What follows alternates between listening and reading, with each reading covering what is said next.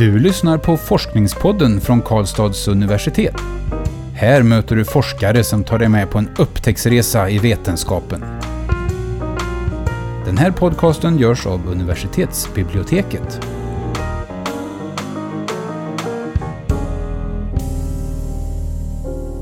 Hej och välkomna, mitt namn är Nadja. Jag heter Magnus. Och idag ska vi ge oss in i förskolans värld. Och det ska vi göra tillsammans med Ebba Hildén som är nybliven doktor i pedagogiskt arbete här på Karlstads universitet. Välkommen Ebba. Mm, tack så mycket.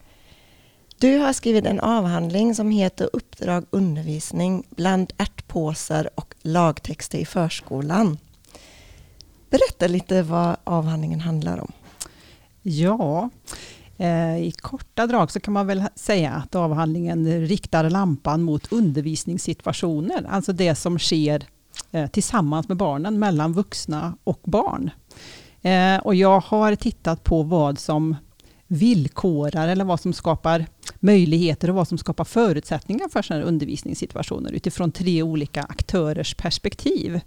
Eh, och jag har då tittat på de yngsta förskolebarnen, alltså ettåringarna som vi har i våra förskolor, eh, utifrån deras perspektiv. Och jag har tittat utifrån rektorernas perspektiv eh, och sen så också då förskollärares perspektiv. Så det är de här tre olika aktörerna, hur de skapar förutsättningar för de här undervisningssituationerna som då sker tillsammans med barnen. Det är väl i korthet om man ska, den korta versionen av avhandlingen. Hur, hur fick du idén till den? Ja, eh, det är ju utifrån min egen erfarenhet faktiskt som förskollärare. Eh, för jag blev själv ganska provocerad, eller vad man ska säga, när det här begreppet undervisning uppmärksammades för förskolans verksamhet. Eh, och det gjordes ju då under hösten 2016. Eh, det var Skolinspektionen som genomförde en granskning då, med speciellt fokus på det här med undervisning i förskolan. Eh, och de tittar ju förstås efter brister, det är deras uppdrag, och konstaterade då givetvis att det här med undervisning var ju ett begrepp som man inte hade tagit till sig i förskolan. Eh, man hade inte skapat förutsättningar för det, man använde inte begreppet och att det var lite laddat begrepp så. Eh, och jag som förskollärare, jag tyckte ju också det här med att eh, undervisning kändes lite obekvämt. Och det där med undervisning, det handlar ju väldigt mycket om att den upplevelsen som man har i förskolan, det handlar om att undervisning är lite av ett ärvt begrepp. Det är någonting som förknippas väldigt mycket med skolan och framförallt kanske med grundskolan. Och där har ju förskolan en ganska lång tradition av att behöva ständigt positionera sig mot, mot skolan. Eh, och då liksom på något vis ja, men skapa förståelse för den goda pedagogik som sker i förskolan, som då är någonting annat än den, det som sker i grundskolan, om man säger. Så det handlar mycket om den där krocken eh, och den upplevelsen som jag då delade med resterande förskolesverige kan man säga. För mycket så var det så att den granskningsrapporten slog ner lite som en bomb. Och det var inte bara i verksamhet, utan det var också skolmyndigheter, huvudmän eh, ja, och forskarvärlden egentligen i Sverige också. Kring som just uppmärksammade det här med att undervisning skulle införas för förskolan. Så då ingick jag, eh, eller gick jag med i ett forskningsprojekt tillsammans med Annika Lövdahl Hultman. Eh, vi hade också med oss Andreas Berg från Örebro universitet. Nu är han verksam vid Uppsala universitet. Eh, Annika jobbar ju här på KAU med oss. Eh, så vi startade upp ett forskningsprojekt eh, som hade då eh, fokus på förskola, undervisning och kvalitet. Ja, och så på den vägen är det skulle man kunna säga. Och, och, kan du utveckla lite mer vad det är exakt ni har tittat på? Hur gick ni tillväga för att få resultat och vilka var de underliggande forskningsfrågorna? Mm. Vi tittade ju då på utifrån, för de här tre olika delstudierna har ju lite olika eh, fokus, skulle man kunna säga, olika syften och olika frågeställningar. Eh, när jag gick in i det här forskningsprojektet om förskola, undervisning och kvalitet, då hade jag redan skrivit min licentiatuppsats som då handlade om kommunikation mellan de yngsta förskolebarnen. Eh, och det, den licentiatuppsatsen handlar ju då om och synliggör ju egentligen då hur ettåringar skapar kontakt med varandra. Eh, hur, hur pratar de, fast med kroppen skulle man kunna säga. Då. Eh, om vad pratar de? Mm. Eh, och hur de här samspelen mellan ettåringarna skapas och görs egentligen. Så det hade jag med mig in i det här forskningsprojektet. Eh, och eh, då riktade vi då i början av eh, det forskningsprojektet med förskola, undervisning och kvalitet, så riktade vi lampan mot, eh, mot rektorerna och hur rektorerna hanterade undervisningsbegreppet egentligen. Alltså hur de ja, skapade ett innehåll egentligen kring det här begreppet undervisning. För det handlade ju väldigt mycket för rektorerna eh, att tillsammans med sina medarbetare eh, ja, men skapa ett innehåll eh, kring begreppet undervisning som, var, som rimmade väl med förskolans verksamhet och förskolans tradition och kultur. Så att det inte blev det här eh, ärvda begreppet utan att det blev ett, någonting som var ens eget om man ska säga. Mm. Så, så en tolkning av själva begreppet egentligen som är anpassat till den verksamhet man be, befinner sig i? Precis, så skulle man kunna säga. Mm. Precis. Så att man, eh, ja, så att man liksom med stolt rygg kan liksom säga att ja, men absolut, jag undervisar i förskolan. Så att man liksom tar udden lite av det här mm. kontroversiella och, och avståndstagandet framför allt. För rektorerna hade ju på sitt bord, eller vad man ska säga, att eh, det här med undervisning, det, det, var ju ett begrepp som bara skulle användas. Det var ju bara att förhålla sig till. Det står ju med i skollagen. Vi ska mm. undervisa i förskolan.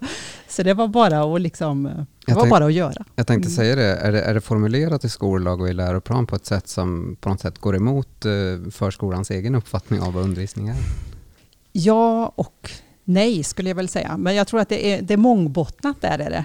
Eh, det har ju funnits med i skollagen sedan 2010 faktiskt. Eh, och då eh, genomför, eller, eh, skrev man fram undervisning som ett gemensamt begrepp för alla skolformer. Så att det är, och då såg man ju till eh, att det var så pass allmänt skrivet, eller vad man ska säga, så att det ska passa i alla skolformer. Eh, samtidigt så handlar ju undervisning då om att det ska vara målstyrda processer.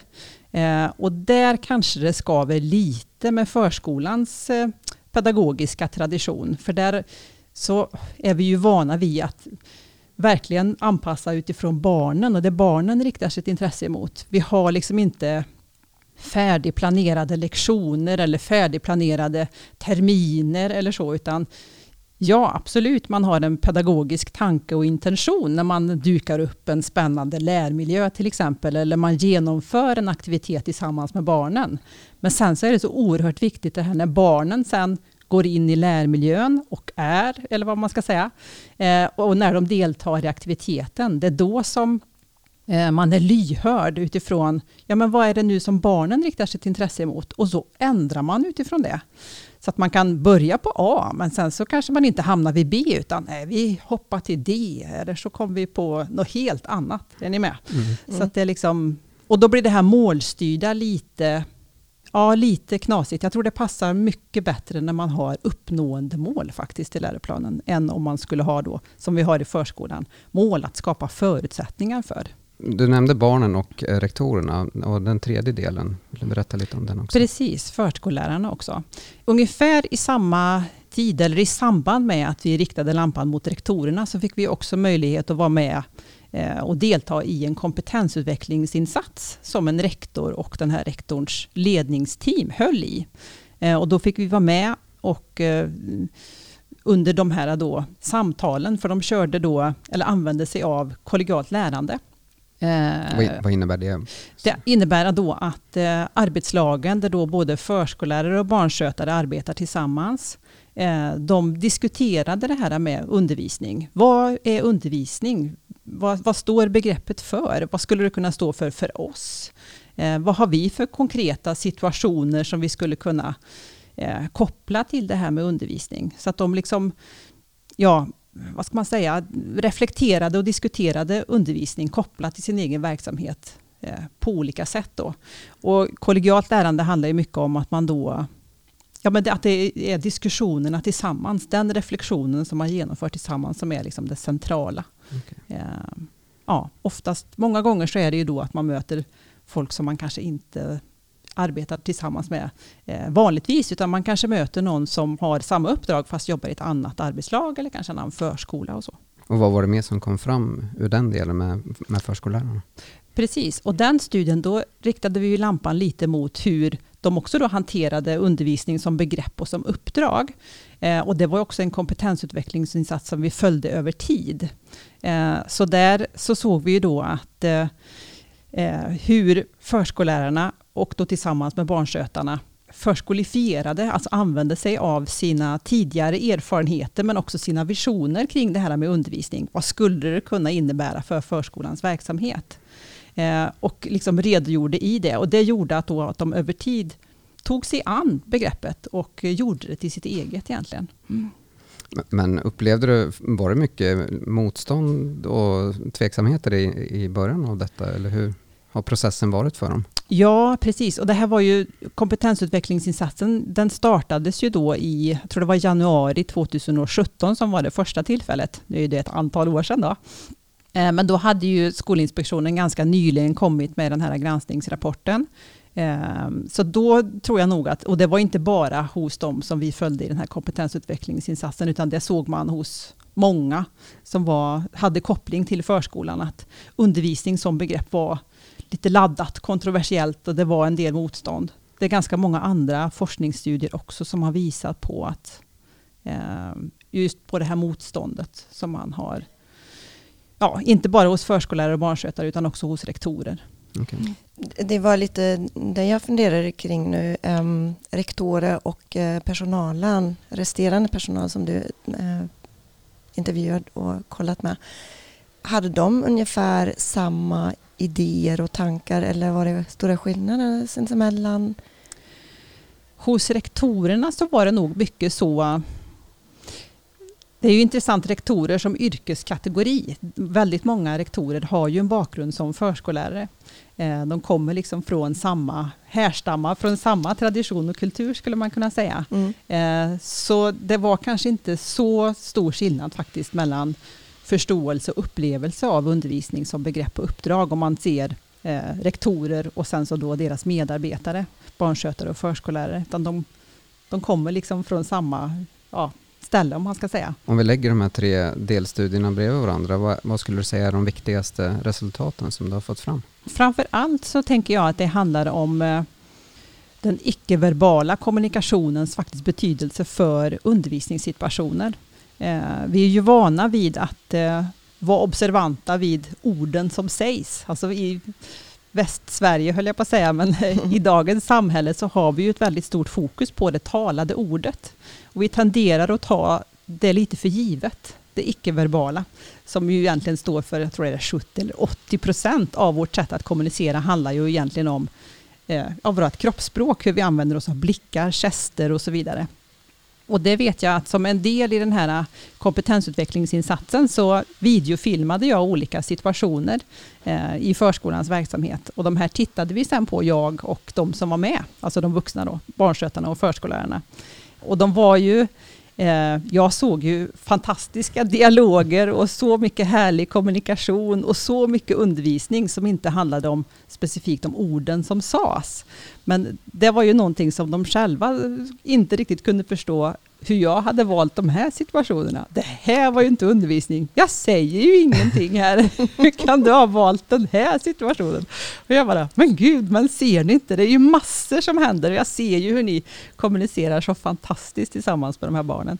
Så det var en härlig upptäckt att göra. Ehm, så vi, de blev nog väldigt mycket mer uppmärksammade på hur de faktiskt eh, använder sig av kroppsspråket för att fånga barnen och få till de här undervisningssituationerna.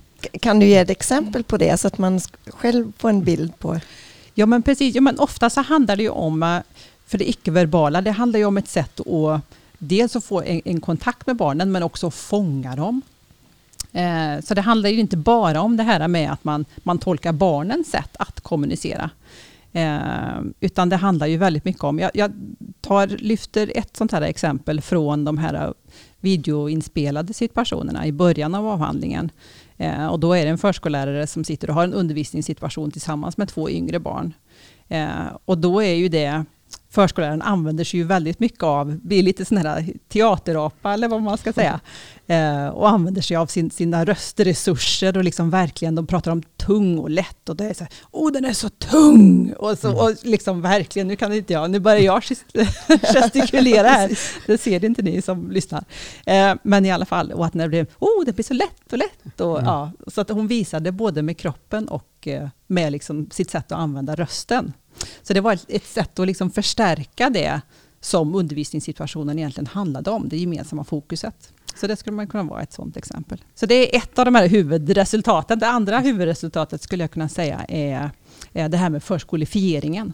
Eh, att både rektorer och förskollärare använder sig av eh, sina erfarenheter från förskolans tradition och kultur eh, för att då fylla begreppet undervisning, det ärvda begreppet från skolan och grundskolan, till att göra det till sitt eget. Så det, då blir det istället då istället för en skolifiering av verksamheten som vi tenderar att tänka att det är ett hyfsat negativt fenomen, eh, så förskolifierar de begreppet, alltså gör det till sitt eget. Jag funderar, finns det, det här förstår jag ligger kanske utanför din avhandling, men, men det, det resultatet för förskolifiering låter ju som att någonting som kanske lagstiftarna skulle behöva, eller läroplansmakarna skulle behöva ta till sig, eller att eh, det kommer underifrån eh, i när man ska se över liksom både skollag och ny läroplan och så vidare. Är det Precis. det man låter sig ana här? Eller? Ja, mm. jag, jag, håller helt med dig. Jag, jag, tycker också det. Det här är någonting som eh, absolut eh, lagstiftare, men också skolmyndigheter, de behöver vara väldigt observanta på det. Och jag tänker, och inte minst huvudmän, eh, både kommunala och fristående, behöver vara observanta på. Eh, för att det finns en så stark och en så stor stolthet hos både förskollärare och rektorer som handlar om att eh, man vill bevara den här goda pedagogiska verksamheten som, som förskolan har haft under så lång tid. Eh, och jag själv tycker det är fantastiskt positivt med det här förskolefiering. för det, många gånger så ser man ju att det händer så himla mycket kring förskolans verksamhet. Det kommer nya trender och nu ska vi ha fokus på det här och plötsligt så blommar det här upp och sådär. Eh, så man kan ju liksom tänka att oj vad man liksom vajar fritt i vinden. Men så är det inte utan det finns liksom en stabil kärna eh, som rektorer och förskollärare är liksom stolta bärare av den här professionella kärnan och den är bestående av tider tycker jag är så himla härligt. Jag funderar på det här resultatet med den icke-verbala kommunikationens betydelse. Hur, eh, är det någonting som eh, de förskolor du har haft kontakt med kan ta till sig och jobba vidare utifrån? Precis, jo, men de sa efter att vi hade diskuterat de här videosnuttarna så var de väldigt eh, så blev de mer medvetna om det faktiskt eh, och sa att oj, men nu kommer nog jag tänka mycket mer på hur jag använder mig av mitt kroppsspråk på olika sätt tillsammans med barnen. Eh, jag är ju väldigt förtjust i videofilm, både som sätt att skapa forskningsdata, men också ett sätt att använda sig av eh, i verksamheten för att utveckla verksamheten. Så genom att använda sig av videofilm så kan man ju liksom rikta lampan mot vad är det som görs istället för att rikta lampan mot vad är det som sägs. Och då får man fram oerhört mycket fler nyanser. Utifrån det, vem, vem tycker du borde läsa din avhandling? Ja, jag tänker att eh, den riktar sig ju ja, till all, olika aktörer, men yrkesverksamma eh, förskollärare, barnskötare, rektorer förstås. Eh, jag tänker att den riktar sig till eh, eh chefer på förvaltningsnivå eh, och huvudman, både fristående och, och kommunala. Jag tänker absolut statliga myndigheter behöver läsa den. Eh, och drömscenariot är att även de som stiftar lagar skulle läsa avhandlingen. Vi, vi får se. Hoppas ni är med och lyssnar nu. ja, precis. När du har jobbat med de här frågorna, är det nya frågor som har kommit som du skulle vilja forska vidare på? Precis, ja men så är det ju. När man nördar in sig på ett område, då, då skapas ju nya frågor, eller hur? Ja, det är det som är så spännande med livet. Eh, absolut. Eh, nu har jag riktat lampan mot förskollärares ledarskap i arbetslaget. Så det forskar jag vidare om, så jag håller på faktiskt och intervjuar nu. Det är jättespännande intervjuer. Eh, hur man gör det här ledarskapet och hur man tar på sig ledarrollen i, i ett arbetslag. Och det är också det kopplat till förskolans tradition och kultur, så blir det så spännande. För där har vi jobbat i ganska platta arbetslag under ganska lång tid. Ja, platta arbetslag, då menar jag att eh, man inte ska ha någon hierarkisk uppdelning av eh, eh vem som gör vad till exempel och vem som har ansvar för vad, utan alla ska kunna göra allt lite. Eh, och då blir det ju liksom särskilt intressant att titta på förskollärares ledarskap eftersom de har ett så tydligt ansvar kopplat till, eh, till läroplanens skrivelser och uppdrag. Spännande. Eh, eh, bara, det börjar bli dags för oss att avrunda det här samtalet nu, men eh, vår sista fråga. Eh, du har ju tagit igenom en, en lång forskarutbildning fram till en doktorsexamen. Eh, vad är ditt bästa tips till någon som är intresserad av att börja forska? Ja, och, och, särskilt om man har förskollärarbakgrund så tycker jag att då behöver man söka alla doktorandtjänster som finns, tänker jag. För det behövs verkligen fler forskare med, som har bakgrund i förskolan. Mm. Eh, så sök alla tjänster som finns, är väl mitt tips. Eh, och redan innan man ens har hittat en sån tjänst så tänker jag att då kan man fila på en, en forskningsplan. Vad är det man är nyfiken på? Vad skulle man vilja titta närmare på? Eh, så det är en bra start att göra det. Jättebra tips. Eh, stort och varmt tack Ebba för att du har gästat Forskningspodden idag. Mm, tack själva. Lycka till med ditt fortsatta arbete eh, och tack också till er som har lyssnat idag. Om du är intresserad av att läsa Ebba Hildéns doktorsavhandling så finns den att ladda ner i vår publikationsdatabas STIVA. Välkommen tillbaka. Du har lyssnat på Forskningspodden från Karlstads universitet. Den här podcasten görs av universitetsbiblioteket alla avsnitt hittar du på kau.se forskningspodden.